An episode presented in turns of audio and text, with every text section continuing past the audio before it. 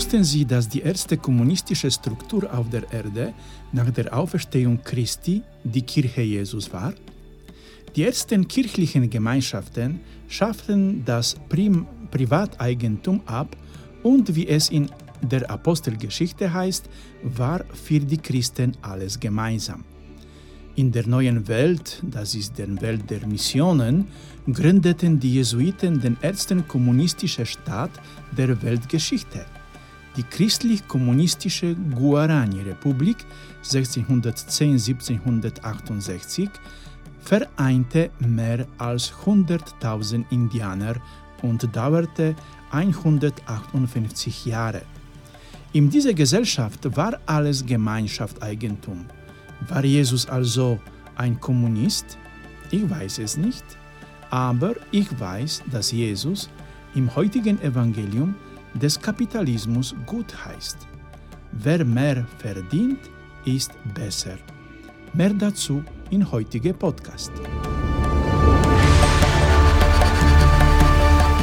Ich bin Bruder Christoph, ich bin ein Kapuziner und ich lebe in Innsbruck. Seit zwei Jahren nehme ich jede Woche Podcast unter dem Titel Ja, mhm auf oder zwei Missionen und darin denke ich über die Sonntagslesungen nach oder spreche über Missionen. Sie finden meinen Podcast auf dem Server ja.podbin.com. Jeden Samstag ab 12 Uhr gibt es einen neuen Podcast.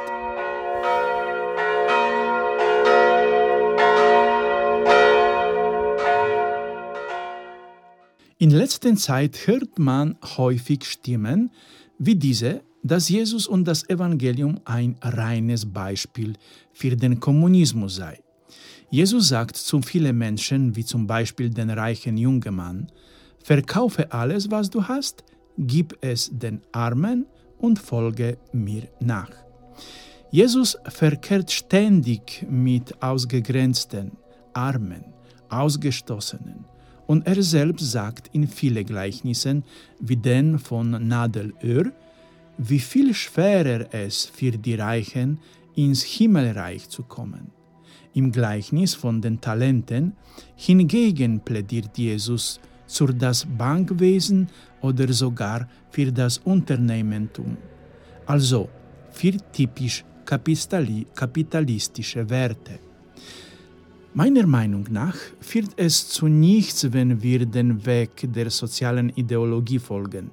Die Kritik an der Reichen oder das Lob äh, des Unternehmertums hat eine ganz andere Dimension und es geht um etwas anderes. Im Lukas-Evangelium finden wir ein ähnliches Gleichnis, in dem Lukas von Minas spricht. Minas oder Talente ist eine Maßeinheit, die sich in erster Linie auf Baren wie Silber oder Gold bezieht. Sie waren in erster Linie Zahlungseinheiten von etwa 32 Kilo Silber oder Gold.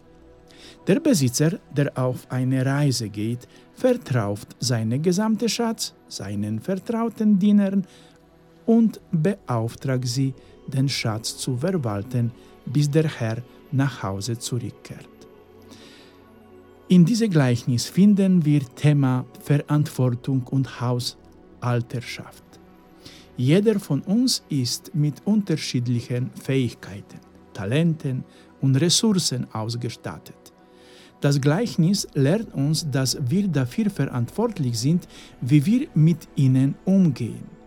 Unabhängig davon, ob ein Talent klein oder groß ist, ist es wichtig, so, es so einzusetzen, dass es unseren Fähigkeiten zugutekommt und sie weiterentwickelt. Andere Thema ist Investition und Entwickeln. Diener, die ihre Talente weise investierten, wurden belohnt. Dies ist ein Hinweis auf der Notwendigkeit, die eigenen Fähigkeiten zu entwickeln und nach ständigem Wachstum zu streben.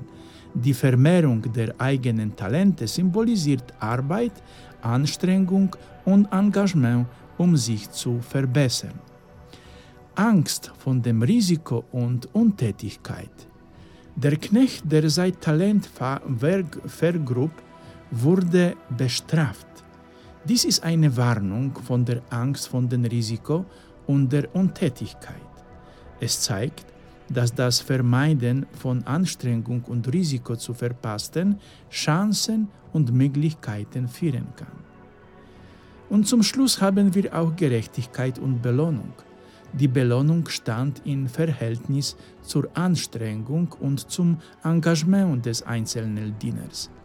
Es ist eine Erinnerung daran, dass unser Handeln Konsequenz hat und dass Belohnung über Bestrafung mit unseren Bemühungen und Entscheidungen zusammenhängen. Liebe Brüder und Schwestern, nur Mut, nur Mut.